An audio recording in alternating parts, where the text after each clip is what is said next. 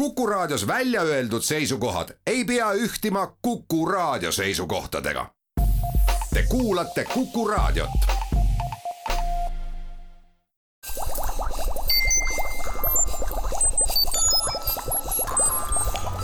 kukkuv õun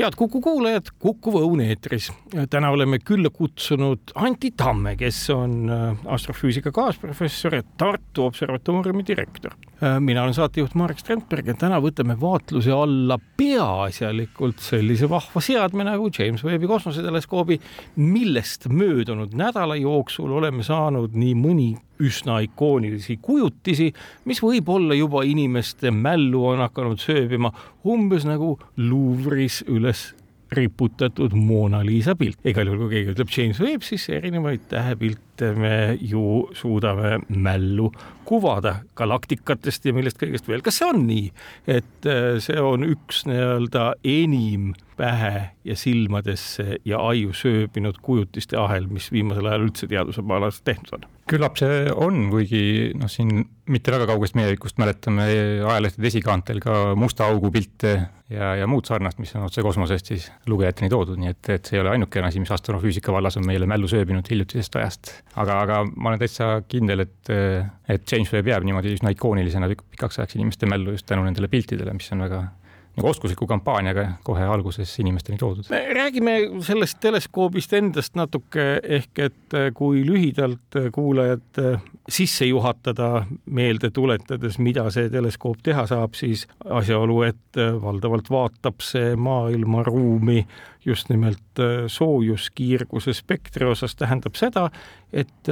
nii nagu astrofüüsikas kombeks või teadmine ütleb meile, mida vanem valgus, seda punasemaks on see läinud. ja ma saan aru, et siiamaani ei olnud siis seda väga punast valgust, mis on juba raadiolaineteks muutunud, me suudame maa peal kinni püüda. aga kas ma saan õigesti aru, et see siis vahepealne aeg, kui valgus ei olnud enam nii punane ehk nii pikalaineline kui raadiokiirgus, aga veel ei olnud nähtav, seda osa siiamaani ei suudetud kinni püüda no päris nii ei saa öelda, tegelikult äh, siin Maa-orbiidi peal on olnud varem ka infrapuna observatooriume, et on olnud Euroopal, on olnud Ameerikal, isegi Jaapanil ja, ja mingil määral on ikkagi seda kinni püütud, aga üldjuhul need teleskoobid on siis väga palju väiksemad, ei ole sugugi nii tundlikud olnud. ja noh, teine häda on siis see, mida, mille vastu James Webb on siis viidud hästi kaugele maast, et siis maa enda soojuskiirgus ju ka häirib vaatlemist nüüd, äh, kui laiemalt küsida, siis mis on need kõige peamisemad ootused, mis äh, seotult James Webbi teleskoobi vaatluste ja sealt tuletatava teadmisega siis on? üks, mida ma loen ja meelde jääb, on see, et nii õnnestub paremal moel nii-öelda teistest teistelt planeetidelt, nii nagu galaktikatest ja maailmaruumist üldse vett otsida. aga mis veel? siin ongi võib-olla kaugemalt peale hakata natukene ja mõelda, et kuidas me üldse siis maailmaruumi tunnetame, ehk siis meil on ainult ju kaudsed meetodid, ainult see signaal, mis meile kusagilt kaugelt eh, siia pärale jõuab, kas siis valgusena või mingi muu elektromagneetlainetuse lainepikkusena. ja siis see on meie ainuke võimalus siis teada saada enda ümbritseva universumi kohta, kui me just ei räägi nii lähedasest kosmosest, kuhu me saame masinaid saata kohale, proove võtta või lausa inimest kohale saata. nii et, et kui me siis mõtleme, et milline osa sellest infost on siiani meieni hästi jõudnud, noh, kõige paremini on, on uuritud muidugi nähtav valgus, eks siit samast maa pealt, aga hiljem ka siis Hubble'i teleskoobiga kosmosest väga, väga detailne pilt meil on üldiselt selles režiimis olemas. üsna hästi on uuritud ka näiteks raadioaine pikkused, sest raadioteleskoope saab maa peale teha, need on hiigelsuured, on väga tundlikud. samamoodi ütleme, röntgen observatooriumi on meil maa ümber tiirlemas, nii et röntgenkiirgus ka siis maapinnani ei jõuaks kosmosest aga siis võib-olla jah, kõige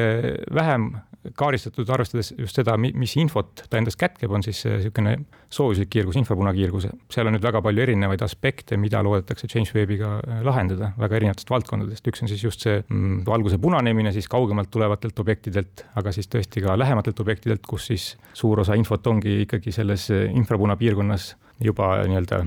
tekkeprotsesside tõttu. nii et, et me loodame siis kaardistada kauget universumi kui ka siis märksa lähemaid objekte nagu äh, päiksesüsteemi väliseid planeete, nende atmosfääre, äh, siis tähetekke piirkondi, ka, ka tähtede surmaga seotud piirkondi, siis udu, udukogusid, millest siis meil on juba ka esimesed pildid meediasse paisatud mõne päeva eest avaldati fotod sellest, kuidas seesama James Webbi teleskoop, olles oma pilgu heitnud Jupiteri ja selle kaaslase Euroopa poole, oli tuvastanud ka Euroopa ja siis Maa või Marsi vahelt läbi vuhisenud asteroidi. ja ma saan aru NASA inimeste juttudest, et see asjaolu oli üsna üllatav või vähemalt mitteoodatav et see teleskoop ka sedavõrd kiireid ja lähedasi objekte on suuteline pildile saama. ma mõtleks, et ega see otseselt üllatav ei ole, sest see on just seda tüüpi objekt nagu, nagu James Webbi lainepikkustes näha peaks olema, just niisugune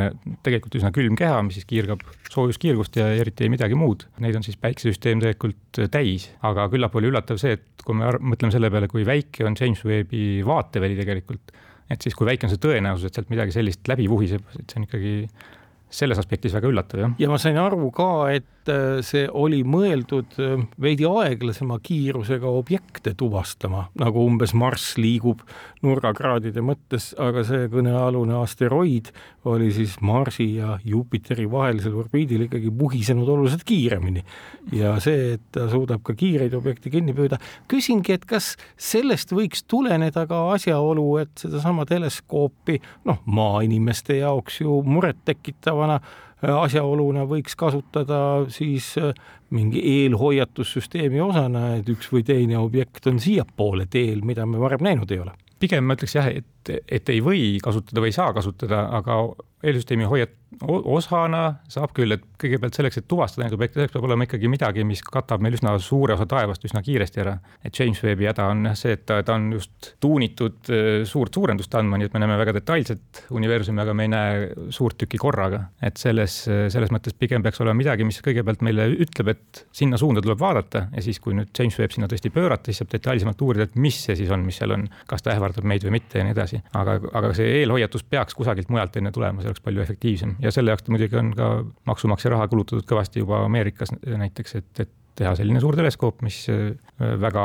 kiiresti saab üle taeva vaatluste põhjal tuvastada selliseid potentsiaalselt ohtlikke objekte. James Webbi teleskoobi puhul saan ma aru, et väga pikkadeks aastateks on tegelikult ju juba töönimekiri ees, et ega seal väga ei ole niimoodi, et koputatakse NASA või Euroopa Kosmoseagentuuri uksele ja öeldakse, kuulge, mul on üks huvitav mõte, mida peaks vaatama, et seda ei tule vist kõne allagi. kui pikalt siis neid äh, vaatlusi ja eksperimente on ette juba kavandatud? kui ma viimati vaatasin, siis on äh, selleks aastaks on äh, kõik vaatlusaeg nii-öelda ära broneeritud et seal tegelikult on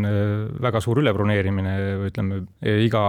kümne või kahekümne vaatlustaotluse kohta ainult üks äh, pääseb läbi, et seal on siis selline teadlastest moodustatud paneel, mis hindab neid, äh, et kui oluline see teadusavastus võiks olla või see uuring ja kui realistlik teda on ellu viia ja siis selle põhjal valitakse välja siis äh, parimad, aga järgmiseks aastaks kindlasti on võimalik praegu veel oma ideid välja pakkuda. kuidas Eesti füüsikute, kosmoloogide, astronoomide ja astrofüüsikutega on, et kas Tartu observatoorium on ka sinna mingi nii-öelda oma tööplaani reakese saanud? no hetkel meil veel ei ole töös ühtegi, ühtegi uuringut, mida saaks kasutada siis James Webbi pardal, aga laiemas pildis kindlasti me oleme seotud, noh, meie ütleme, kosmoloogia suuna peamine väljund on just uurida universumit hästi laiades mastaapides. Ja kuna siis James Webb meile laia pilti ei anna, et siis selle koha pealt teda väga hästi kasutada ei saa. Küll aga siis üks tema olulisi teaduse eesmärke ongi see üldise kosmoloogia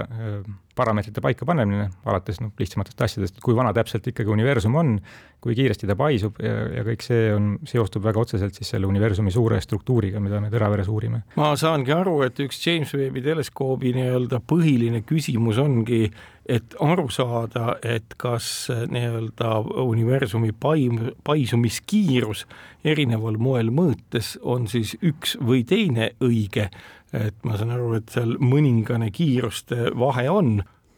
kilomeetrites sekundis ühe universumi noh, nii-öelda dimensiooniühiku kohta ja seal on täitsa selline, selline mõneprotsendine või isegi suurem erinevus, kuidas nii-öelda seda paisumiskonstanti määratakse. ja mida see annab meile, kui me teame, et universum palju, paisub kiiremini või aeglasemalt? ma alustan siis sellest, et, et jah, et tõesti, mida, mida rohkem erinevaid meetodeid kasutada, seda rohkem erinevaid tulemusi tavaliselt teadlased saavad. nii et see, et universumi paisumise kiiruse kohta täpselt selline olukord on, kui me vaatame siis hästi varajast universumi vaatame mikroronilise taustkiirguse pilti, siis sealt me saame näiteks ühe hinnangu. kui me vaatame siin lähiümbruses meie universumis, kui kiiresti objektid meist eemalduvad, siis me saame teise hinnangu, mis on omavahel noh, niisuguses eh, lausa peaaegu kümneprotsendilises või viieprotsendilises eh, ebakõlas. lohutuseks võib öelda, et eh, pole hullu midagi, et tegelikult ajaloos on see pigem need ebakõlad järjest väiksemaks läinud ja järjest lähenetakse ühtsele väärtusele. ja teisest küljest see on mõnes mõttes ka loomulik, et kui me mõõdame ühtemoodi, me mõõdame ühes keskkonnas, ühtedes tingimustes, kui me mõõdame teistel andmetel, andmetel, siis me saame natuke teistsuguste olukordade kohta selle väärtuse et selles mõttes iseenesest ei ole mingi, mingi nüüd fundamentaalne probleem äh, füüsikas. Äh, mis sellest sõltub, äh, noh, tõesti universumi paisumise kiirus annab meile siis üsna üheselt kätte ka universumi vanuse hinnangu, universumi vanusele on ka eri meetoditega saadakse üsna erinevaid hinnanguid ja nii ka James Webbist loodetakse, loodetakse siis noh, arvatavasti pigem vanuse hinnangu vähenemist kui, kui suurenemist ja, ja siis see kõik on seotud siis tegelikult nende suurte tundmatute küsimustega, mis meil fundamentaalfüüsikas ja kosmoloogias on, et mis asjad on tume aine ja tume energia ja kui palju neid täpselt on ja kas näiteks tume energia, kas ta on midagi, mis ajas muutub, ehk siis kas universumi paisumiskiirus ajas muutub või on ta selline konstant, mis on tegelikult üsna ühtlaselt sama kogu aeg läbi ajaloo olnud. üks koht, kuhu aja mõttes ju James Webbi teleskoop vaatab, on siis pärast suurt pauku, ma ei tea, ei suuda meenutada, aga mingid mõned sajad miljonid aastad kestnud, loomulikult ma ise seda ei mäleta, see on füüsikateooriast tulenev, aga nii-öelda pime ajastu, kus äh, moodustunud aatomid olid üksteisest ikka päris kaugel, mingi paari meetri kaugusel, istusid nagu kulditrukkis ja ei teinud mitte midagi, valgust ei olnud mida võiks James Webbi teleskoop sellest universumi ajast nagu vaadata, kas sellest ajast, mis on siis pärast tolle televiisorit sahisema pannud reliktkiirguse tekkimise järgsest ajast, kas me sealt võiksime ka midagi märgata ja mingisuguseid äh, kiirgusimpulsse siiski kinni püüda? no tõesti, et kui me kujutame ette, kui universum tekkis, alguses oli kuum supp, eks, ja siis ühel hetkel see kuum supp lagunes, kiirgus pääses sellest plasmast välja, plasma muidu on kiirgusele läbipaistmatu et universum jahtus piisavalt, et siis see kõige varasem pilt on jah, see mikrolainelise taustkiirguse pilt, mis on meil ümberringi siis Äh, täidab ruumi ja sealt järgmine aeg, kui valgus universumis levima hakkab, on siis ikkagi esimeste tähtede valgus. nii et äh, enamasti otsitakse ikkagi, on väga huvitatud, millal see esimeste tähtede valgus siis universumisse jõuab, see on see ajajärk, mida James Webbiga püütakse kõige rohkem kinni püüda ehk et juba siis pärast seda, kui tähed hakkavad tekkima ja see nii-öelda hõre aine, mis mitte midagi ei kiirga, ennast juba kokku hakkab mätsima ja tekivad esimesed reaktsioonid ja hakkavad tekkima elemendid. see on väga põnev ajajärk tegelikult jah, et tähe tekkes, et tähed on hoopis midagi teistsugust kui need, mis tänapäeval tekivad, sest meil on ainult vesinik ja heelium ja mitte midagi muud. mitmes tähtede tekke nii-öelda epohh meil siis on, et ma saan aru, et nii tähti kui galaktikaid on olnud ikkagi, arvestades seda, et neid tekib ja nad lagunevad selle ikkagi miljarditesse või kümnetesse, kümnesse pluss miljardisse aastasse, jääb sinna ikka päris mitmeid vist, et ega me ju ei ela esimeses universumis, noh, mõttes, et need vanad tähed on siiamaani alles. noh, et kui me mõtleme, et meie oma päike on umbes viis miljardit aastat vana, ehk siis aine, millest ta tekkis, ongi siis tekkinud varem, see koostis sellises elementide vahekorras, nagu ta on, aga noh, epohhid, kõige kindlam oleks lahutada ainult siis kahte epohhi, üks on see kõige esimesed tähed, mis tõesti koosnevad puhtalt vesinikust ja heeliumist ja, ja mis peavad olema väga massiivsed, et seal tuumareaktsioonid käivituksid. ja, ja siis kõik ülejäänud, kui on juba universum rikastunud muude elementidega, et seal on siis tähetekkeprotsess üsna teistsugune ja, ja tähtedest toimuvad protsessid ka teistsugused, nii et, et võime käsitleda, noh, edasi on niisugune sujuv, sujuv areng, meil tuleb järjest juurde igasuguseid keemilisi elemente, tähed muutuvad järjest äh, nii-öelda keemiarikkamaks ja, ja samamoodi siis nende vaadeldavad omadused muutuvad, nii et äh, laias laastus ütleme siis kaks kaks suurt epohhi ja muidugi siis kõik tähed, mida me näeme, need on siis sellest teisest epohhist, need esimesed tähed on ammu-ammu-ammu ära lagunenud. kui nüüd tulla selle põneva teema, milleks on tume energia ja tume aine juurde, siis milline tänapäeval on see oletus või arvamine, et millisel hetkel meie maailmaruumi siis see tume aine sisse astub? Ja mis selle oletatavad vormid olla võiksid või selle kohta ei teata suurt midagi või vastupidi, igakuiselt avaldatakse järjest rohkem ja rohkem hüpoteesidena toimivaid artikleid selle kohta, mis võiks küll tume aine ja tume energia olla. ja pigem on see teine õige, et hüpoteese on väga palju, avaldatakse järjest uusi ja noh, ikka läheb, ei lähe rohkem kui paar kuud mööda, kui jälle ilmub artikkel, et tumeaine kohta on nüüd midagi uut fundamentaalselt teada saadud, tihtipeale see, see nii ei ole, et enamasti noh, need esialgsed hüpoteesid leiavad kummutamist, kas siis seetõttu, et on midagi vaatlustes või nendes eksperimentides olnud, tekitanud müra või siis, või siis see mudel mingil muul põhjusel ei tööta. aga, aga pigem on jah, neid lahtisi otsi, otsi rohkem, teooriaid rohkem kui, kui kinnitusi. kuna meil ei ole siiani veel ühtegi otsest konkreetset tumeaine eh, osakese signaali, siis on, eh, on ka võimatu öelda, mis ta täpselt on, küll aga on välistatud väga palju erinevaid variante, mida on välja pakutud aja jooksul. kuidas nagu, ega ma ju olen olen ka selline nii-öelda populaarsete uudiste lugeja ja ja siin on olnud ju mitmeid hüpoteese selle kohta, et see tumeaine võib üldse olla, kui me teame, et prootonid ja neutronid koosnevad kolmest kvargist, et siis on see veel mingisugune kummalisem, ei tea, mitmest kvargist koosnev aineosake, mis hoopis teistmoodi siin maailmas käitub. milline su enda tunne on, kui üldse nii sobib küsida, et kust kohast seda tumeainet otsida või sa oled hästi rangelt selline eksperiment fakendipõhine inimene, kes ütleb, kui katset ei ole, võime fantaseerida millest tahes. eks ta on kahe otsaga asi jah, et äh, reaalteadlasena muidugi tahaks, tahaks mingit kinnitust, äh, kui on kellegi fantaasia väga lendama hakanud, aga, aga noh, kuni, kui fantaasia on usutavuse piires, äh, siis on, on nad väga-väga toredad, tegelikult väga keerulised mõttelised eksperimendid, seesama jah, kuue kvargi kombinatsioonina saadud tumeaine osakene varasest universumist on üks väga-väga põnev tee, ta on küll vähe tõenäoline, aga, aga mitte päris välistatud. no jälle, kui sul on objekt, mis on nii suur nagu universum, siis iga väiksemgi tõenäosus korrutades väga suure hulga ainet osakestega annab täitsa imelikke tulemusi. no vot, seal on see häda, et kuna me teame, et tumeainet peab olema rohkem, oluliselt rohkem kui nähtavat ainet, siis see protsess ise ei saa olla vähetõenäoline, mis teda tekitab, nii et ta peab olema väga levinud protsess olnud varases universumis. aga samas ka, kui nii-öelda edasi fantaseerida, seal teemal, siis olud, mis olid väga varases universumis, erinevad väga palju sellest, mida me täna ju igapäiselt või vahetult füüsikaliselt siin kogeme, et meil ju väga seda tunnetust ei ole, kuidas on olla suure paugu nii-öelda laineharjal või sel hetkel, kui see tekib mm. -hmm. no meil muidugi eksperimendid järjest lähenevad nendele oludele äh, siin CERN-is ja, ja igal pool mujal osakeste füüsika maailmas, aga, aga jah, et kindel on see, et, et kusagil tuleb piir ette siin maa pealt veel katsetel. selles mõttes energia mõttes ongi ju nii, et ega kiirendid muutuvad aina, aina energiatihedamaks. kui kaugel me siis ütleme suure paugu alghetkest täna oma eksperimentaalsete energiatihedustega oleme? see nüüd läheb natuke minu ampluaast välja, ma võin siin väga mööda panna. ega ei ole hullu, küll keegi korrigeerib siis mingis järgmises saates ja ütleb, et vot seal oli see väga valesti öeldud, aga ikkagi põnev. eks me seal esimeste sekundite sees ikka oleme. juba et, esimeste sekundite sees. ehk et, ehk et ja. me teame üsna paljut ja lihtsalt küsimus on selles, et kui kiirendi eksperiment võtab ka nagu kõva kõvasti aega, et neid andmeid töödelda, et siis äkki on nii, et me ei ole või nende andmeteni jõudnud. nojah, see samas tuleb silmas pidada, et need esimesed sekundid olid väga murrangulised, et siis toimuski suurem osa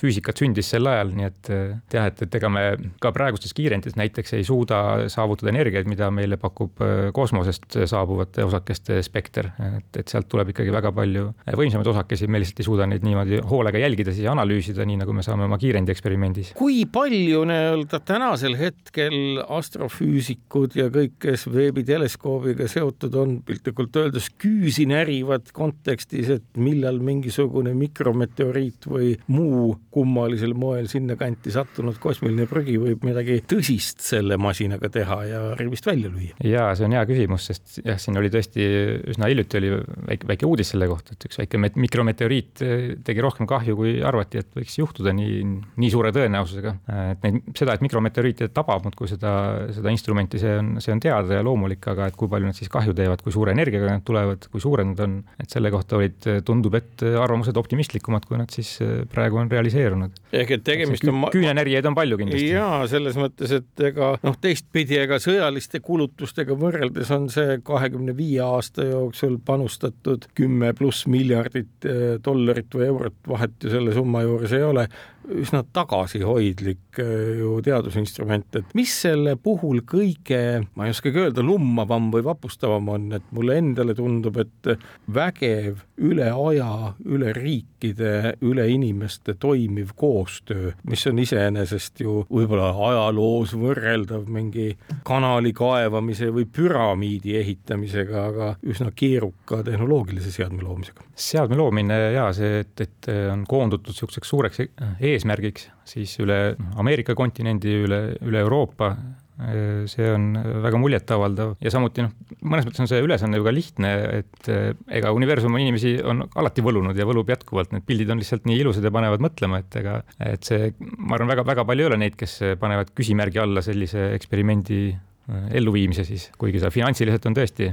on, on väga muljetavaldav. On sul teada, kui palju näiteks noh, juhtudel, kui üks või teine teadusasutus soovib mingit eksperimenti selle peal teha, kas see eeldab ka siis oma rahakoti kergendamist või see on ikkagi üldises huvis kinni makstud asi, kus konkureerivad teaduslikud ideed? Äh, James Webbi puhul, äh, no seal on ikkagi kosmoseagentuuride eelarvetest on see raha leitud et seal otseselt teadlaste rahakoti kallale ei minda. eks me näeme, et ta on nüüd äh, ju peaaegu viisteist aastat üle aja, arvestades oma algse, algse kavaga, aga see tähendab seda ka, et, et on saanud viisteist aastat rohkem raha korjata. ja muidugi ma saan aru, et kogu selle aja jooksul, mis on üle aja läinud, on ju iseenesest see tehnoloogia aina täpsemaks läinud ja, ja paremaks muutunud. ehk et ma saan aru, et meil on üsna moodne värk seal miljon-poolteist kilomeetrit maast eemal. ja eks see on ka üks põhjus, miks ta on hilinenud, on see, et tegelikult noh, nii nagu CERN-i puhul ja, ja muude keeruliste eksperimentide puhul tihtipeale seda tehnoloogiat, kuidas teda teha, ei ole olemas sel ajal, kui see idee välja käiakse, et see tehnoloogia alles tekib äh, töö käigus nii-öelda.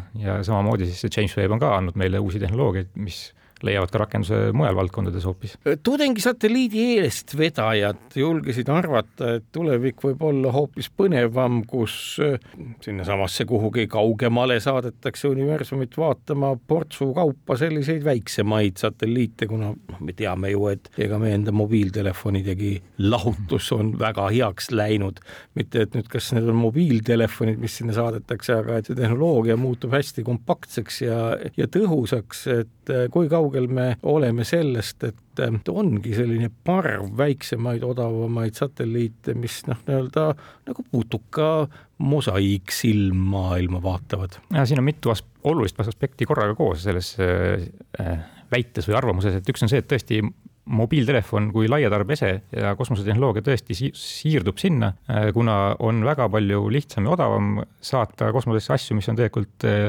laiatarbe kasutuses, mida saab poest osta ja, ja tõesti ka SQB pardal juba on, on selliseid tsiviilseid või maapealseid äh, vahendeid hulka ära kasutatud, et sa ei pea spetsiaalselt kosmose jaoks välja töötama mingit uut materjali, uut, uut elektroonika vidinat, nii et selles mõttes telefoni saatmine kosmosesse on, on väga hea paralleel oma olemuselt. sisu poolt jah äh,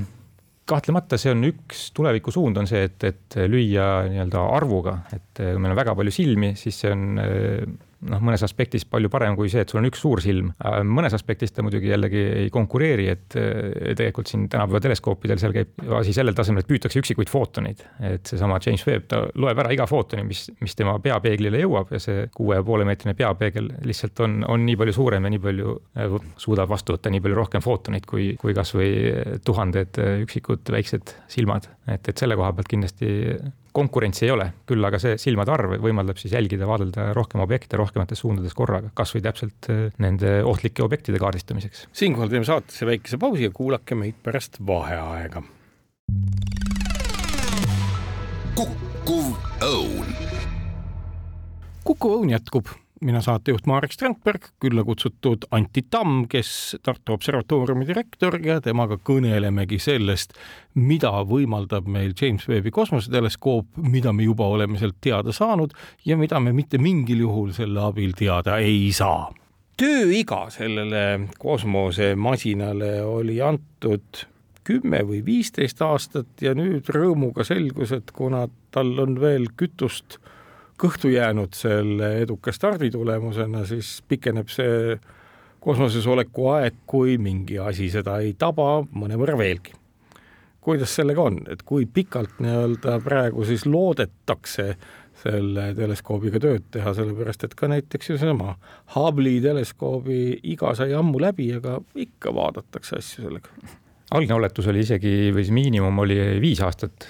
minu teada kavandatud tööaeg ja, ja tõesti, et mis seda siis äh, sätestasid, oli, üks on see, et tõesti kütus saab otsa, see nii-öelda tõukurite äh, gaas, et sa ei saa enam teda ümber suunata, ta jääb vahtima sinna, kuhu ta parasjagu vahib, noh, ta tegelikult liigub ju oma orbiidil ja vaatab,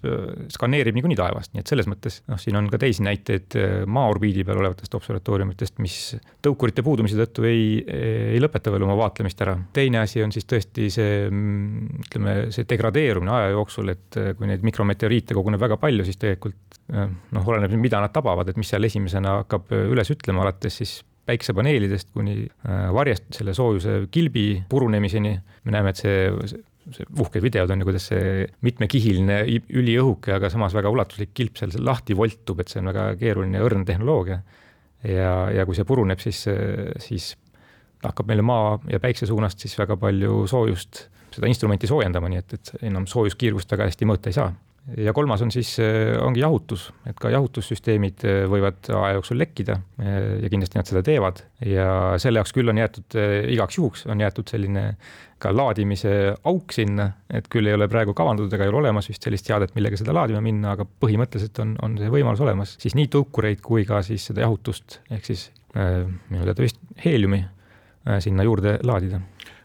kas ma tookord, kui see start oli teemaks, siis ma sain aru, et ikkagi konstruktorid on tänasel päeval selle peale mõeldud, mõelnud, et ikkagi mingi masin ehitada, millega sinna samasse Lagrange'i number kaks orbiidi peale, mis nagu stabiilselt maast päikese suunalt vaadates eh, sinna meie selja taha nagu jääb, et sinna ikkagi appi sõita ja seal midagi remontida või see on ikkagi veel tulevikufantaasia või osad nendest masinatest on täna juba ka nii-öelda joonestuslaudade peal? ma nüüd ei oska öelda, kas tõesti mõni on joonestuslaua peal, ei ole võimatu, sest kindlasti on ju selle olemasoleva seadme kasvõi väike remont või uuendamine odavam, märksa odavam kui, kui uue ehitamine. ja, ja noh, ta on tehtud tõesti perspektiiviga, et, et need vaatlused, mis seal tehakse, et need on veel aastakümneid kindlasti väga olulise tähtsusega, nii et, et kui läheb nii nagu Hubble'iga, et küll, et tulevad väga murrangulised uued avastused, siis kindlasti see soov ja, ja surve teda uuendada ja käigus hoida on väga tugev. nii et, et ma jah, kümme-viisteist aastat äh, võiks, võiks julgelt loota küll, kui ei juhtu midagi katastroofilist. nüüd üks asi, mis meenus, mida lugenud olin, ongi seesama asi, et üks kummaline objektide skaala siin universumis on äh, on väga suured ja massiivsed mustad augud, mida ette tuleb. et kas ma saan aru, et see nii-öelda James Webbi teleskoop peaks siis andma meile vastuse selle kohta, kas mustad augud on tekkinud hiljem tähtedest või toimus mustade aukude teke koos tähtedega samaaegselt siis mingis varajases universumi staadiumis, kas või sellel hetkel, kui meil oli siin vaid vesinikku ja heeliumit? Või on seal veel mingi nüanss, mida, mida ma oma tavalugemisega pole aru saanud? Ja siin tuleb eristada kahte üsna fundamentaalselt erinevat musta augu tüüpi, osa on siis need, mis äh, tekivad tähtedest siin ütleme, suure massiga tähed, mis plahvatavad supernoovana, siis sinna keskele jääb, võib jääda järele must auk ja, ja neid, noh, see protsess on üsna hästi füüsikaliselt kirjeldatav. otseselt vaadeldud sellist teket veel ei ole, aga, aga ütleme, et, et see on siis niisugune harilik must auk, tähe umbes ühe tähe massiga must auk, aga hoopis teine elukas on siis nii-öelda supermassiivne must auk, millised arvatakse olevat enamike galaktikate keskmetes meie linnude keskel siis samamoodi. ja, ja vot nende tekke ja kujunemine on nüüd tõesti palju suurem küsimus, et kas nad on olemas tegelikult juba enne, kui üldse see galaktika sinna ümber koondub, tekivad varajases universumis ja sel juhul, kuidas nad tekivad, sest äh, tähti meil sel ajal veel tõenäoliselt nii palju võtta ei ole, et nendest kokku mätsida sellist objekti. ja, ja aga ometigi nad on siis väga varas, üsna varajas universumis juba, juba nähtaval, mitte nähtaval, aga ütleme siis ilmingud on nähtaval. ja nii nagu ka siis juba James Webbi sellel viie galaktikaga pildi peal, selle Stefani kvinteti pildi peal ühel galaktikal on ilusti näha keskmest välja paiskuvad siuksed ainevoolud või joad, jah, mis on siis, ongi üks ilm, ilmne äh, näide sellest, et seal keskel on mingi väga energeetiline protsess, ehk siis ilmselt tegu on äh, suure musta auguga, mille ümber aine siis keerleb ja siis langeb tasapisi sinna musta augu peale ja, ja pooluste poolt siis saab aine, osa ainest siis välja lennata niimoodi kaug, väga kaugele välja. selle kvinteti ehk viie galaktika nii-öelda kogumit äh, sel moel detailselt, et äh, aru saada, mis seal tegelikult toimub, varem pildistada ei ole õnnestunud, on see esimene kord või mingit aimdust on olnud siiski? No see kvintett ise muidugi üsna, üsna tuntud objekt. just, just, see vist on üheksateistkümnendast sajandist juba ja. teada. ja tema puhul on huvitav muidugi see, et, et seal tegelikult siis koos on oma füüsiliselt eh, neli galaktikat ja viies on lihtsalt juhuslikult eh, nende sihile paigutunud objekt, ma ei mäleta, kas ta nüüd eespool või tagapool. aga need neli tükki siis tõesti omavahel on juba nii lähedal, et nad Äh, mõjutavad üksteist, äh, on käivitanud seal nii-öelda gravitatsioonijõudude tõttu ulatuslikult täheteket ja seal toimub äh, väga mitmesuguseid protsesse, mille lõpptulemusena siis need neli galaktikat kunagi tulevikus muutuvad üheks suureks aga no,, aga tee sinna on, on põnev ja, ja värviline. küsin seda, et täna me suudame Maa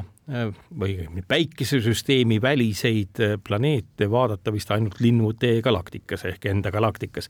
kas veebiteleskoop annab mingigi lootuse, et me saame pingutusega, mõõtmisega vaadata, et kas teistes äh, galaktikates ka samalaadseid planeete on või see on ikkagi veel väga kauge aeg, et sinna jõuda äh,? ma nüüd päris kindel ei ole, aga ma oletaksin, et tegelikult meie oma lähimas galaktika keskkonnas, ütleme siis meie, mille nimi on äh, kohalik galaktika grupp, et selle, selle piires võiks olla põhimõtteliselt võimalik tuvastada küll eksoplaneete. Äh, küsimus on, kas nad nüüd, kas on ootust, et nad on millegipärast väga erinevad meie oma linnude eksoplaneetidest, mis on ka üks väga kirju loomaaed, eks. lisaks lihtsalt sellele teadmisele, et jah, nad on olemas ka teistes galaktikates, mida me muidugi kõhutunde järgi võime niigi oletada. ja, aga kindel on see, et jah, et nad mingit väga detailset infot sealt ei saa isegi Webbiga, et nii nagu tal siis meie oma galaktika eksoplaneetide kohta on lootus, et siis saame atmosfääride kohta paremat infot, siis keemiline koostis, et kas see soosib või ei soosi näiteks eluteket ja, ja muid selliseid põnevaid asju palju on üldse täna teada linnutee galaktikas selliseid kindlaks määratud eksoplaneete ja mis neist kõige kaugem on, kui sa oskad äkki peast meenutada? ma nüüd ei ole ammu jälginud, tõsi, see on tuhandetes, ma pakun, et sinna kuskile kuue-seitsme tuhande kanti, neid leitakse pidevalt juurde. kauguste osas ma ka ei ole väga kindel, kindel on see, et, et, et nende, neid on piisavalt palju, et nende uurimiseks on tegelikult eraldi eh, suured programmid kavandatud, näiteks eh, ka Euroopa Kosmoseagentuur saadab noh, selle kümnendi lõpus kosmosesse Arieli nimelise teleskoobi just eksoplaneete uurima, et noh, kõige põnevam küsimus ongi, et kas ühest küljest, missugused nad on, mida nad endast kujutavad, võrreldes siis meie oma päik-, päiksesüsteemi planeetidega, aga teisest küljest ka ikkagi siis kas, kas on võimalik, et kusagil on veel elu. aga siinkohal teeme saatesse väikese pausi ja kuulake meid pärast vaheaega.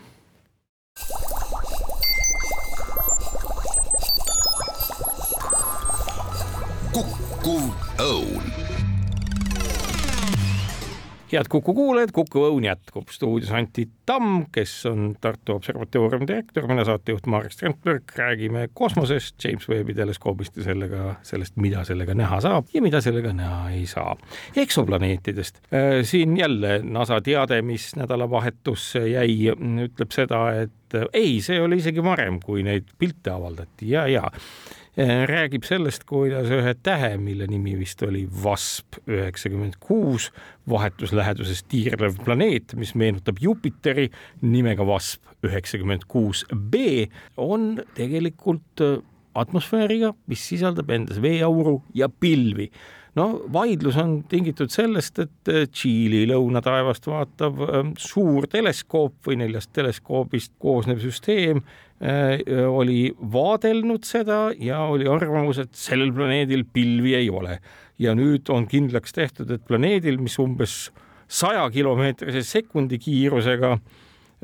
ümber selle, ümber selle tähe üsna lähedal, viie miljoni kilomeetri kaugusel kõigest sealt tiirutab, on siiski olemas veeaur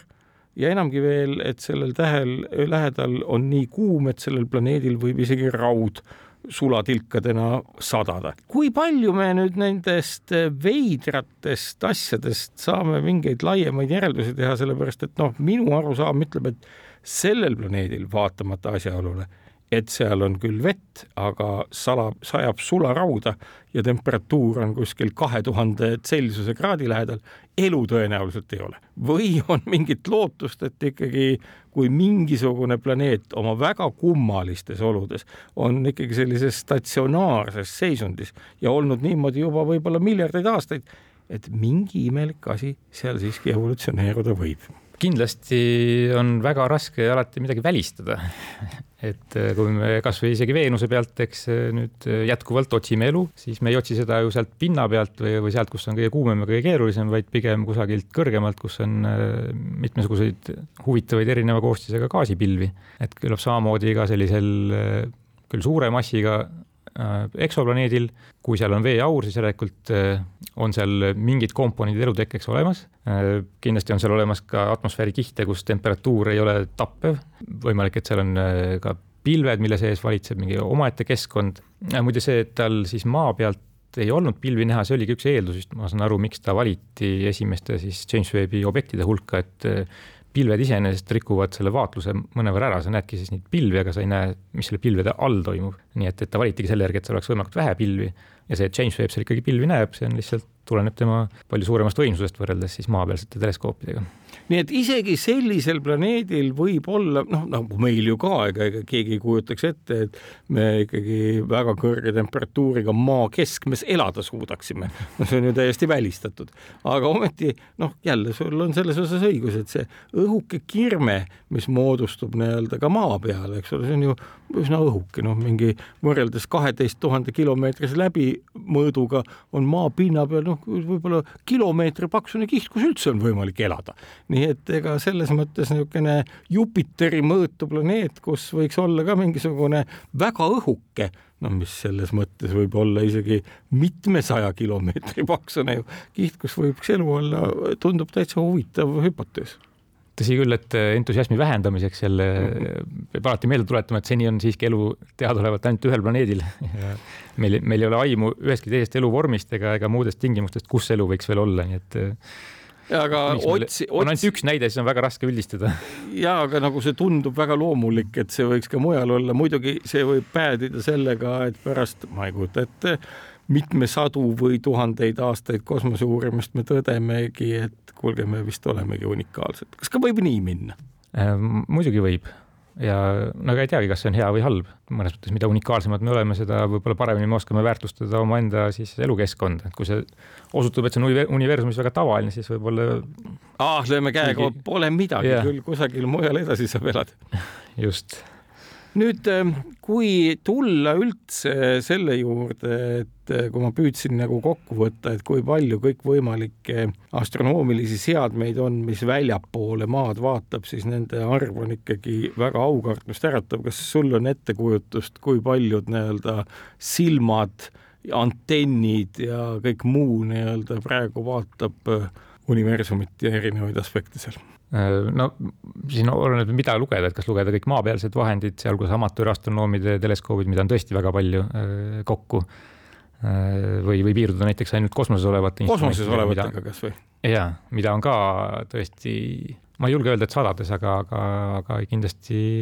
poolesaja piirimail pakuksin nüüd, kui tulla nende amatöörastronoomide juurde, mis iseenesest on väga hea teema, mida ka käsitleda võtsid, siis kuidas meil sellega on, et kas tänasel hetkel veel astronoomist või amatöörist astronoom, kelle igapäevatöö see ei ole, aga kes on ilmselt hästi haritud ja teab paljut, et on tal ka lootust mingisuguseid asju veel avastada või seoseid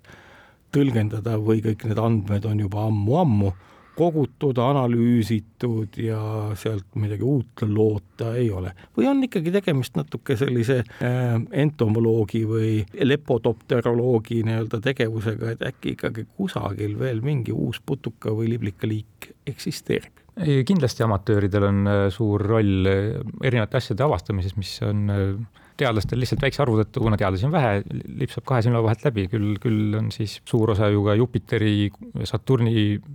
kuudest avastatud amatööride poolt või, või komeedid, mis tulevad ikkagi tihtipeale on amatöörastronoom see, kes märkab midagi kummalist piltide peal.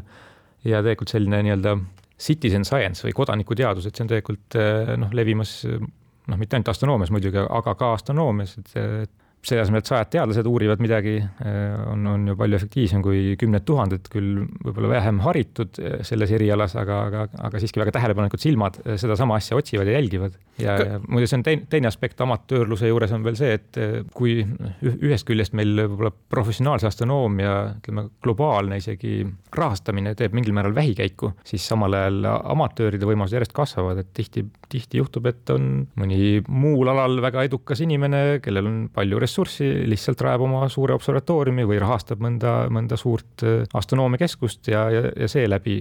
sünnib hoopis uus ja hea teadus. rahastusaspekt on ka väga oluline amatööri. kuidas on nende James Webbi mõõtmisandmete või vaatlusandmetega, kas neile on ka igaühel, ka nendel amatööridel ligipääs olemas ja nad võivad neid andmeid töödelda või on seal ikkagi nii-öelda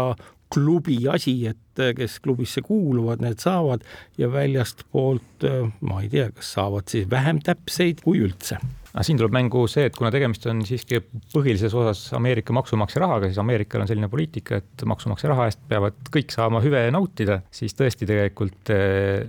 nii nagu Hubble'i kosmoseteleskoobi puhul, äh, põhimõtteliselt on igal inimesel sellele ligipääs nendele andmetele, äh, sa pead noh, küll registreeruma kasutajaks ja muidugi oskama nende failidega ringi käia, aga põhimõtteliselt on nad, on nad avalikud, tõsi, olenevalt nüüd äh, konkreetse vaatluse läbiviijast on seal mõne kuu kuni aastapikkune võib-olla selline äh, aeg, mil andmed on kasutatavad ainult siis selle vaatluse tegijale või tellijale ja peale seda alles siis äh, vabaneb ta kõigi jaoks avalikuks. aga, aga pärast seda kasutab, kasuta nii, kuidas jaksad ja niimoodi need amatöörid tihti siis teevadki oma avastusi, sest tõesti vaatlusi, uusi vaatlusi tuleb nii kiiresti peale astronoomias, et, et ei jõua kõike väga hoolega läbi vaadata. kas nüüd Tartu observatoorium on ka juba alla laadimas neid veebipilte James Webbi teleskoobi pilte ja andmeid või te oma suuremate huvide tõttu, mis universumi üldist kulgu mõjutavad ja tähendust omavad, ei vaatlegi niisugust pisikest värki, mida see teleskoop seal? ma ei julge nüüd vastutust võtta, et, et keegi, kui palju keegi on alla laadinud juba, mina katsetasin natukene ja tõesti sain alla laadida esimesi pilte, aga ei jõudnud veel väga sinna sisse kiigata. Ja mitte ainult pilte, muide ka spektreid, sest tõesti, ega siis astronoomiline vaatlus ei ole ainult pildid, vaid ka siis objektide spektrid, aga aga, aga noh, otseselt jah, praegu, kui me vaatame, mis meie põhilised teadussuunad on, siis äh, ühegi teadlase äh, põhitegevusega need saadaolevad pildid ei, ei kattu, aga, aga kõik, teadlane on ju uudishimulik, et alati on äh, huvitav vaadata sisse, et mis siis, mis siis on väljaspool enda valdkonda, mis võiks ka olla väga-väga uudne ja põnev, kasvõi needsamad ülisügavad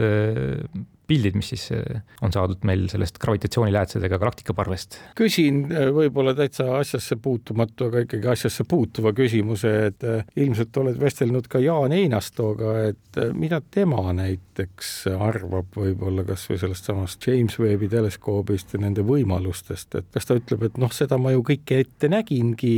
või ta on ikkagi selline üllatunud ja, ja positiivne kõige suhtes. ma pean tunnistama, et ma ei ole Jaan Einastaga rääkinud James Webbi teleskoobist, aga ma võin oletada, ma võin oletada, et eh, uudishimuliku inimesena ta kindlasti eh, on väga, kiidab heaks sellised, eh, sellised lennukad eksperimendid ja, ja ta kindlasti ei ole nii naiivne, et ta arvaks, et on kõik ette näinud, sest tõesti teaduses ja eriti astronoomias, nii, nii ka James Webbi teleskoobi puhul, ega me tegelikult ei tea veel kõike, mis sealt tulemas on. et suurem osa avastusi on ikkagi üllatused ja nagu öeldakse, et, et iga küsimuse kohta, mis sa James Webbiga ära vastad, saad sa kümme uut küsimust asemele, nii et sealt kindlasti üllatusi tuleb. aitäh, Anti Tamm, et said aega tulla Kuku Õuna saatesse kõnelema kosmoloogia sellisest viimasest piirist, kuhu me oleme jõudnud, nimelt James Webbi teleskoobist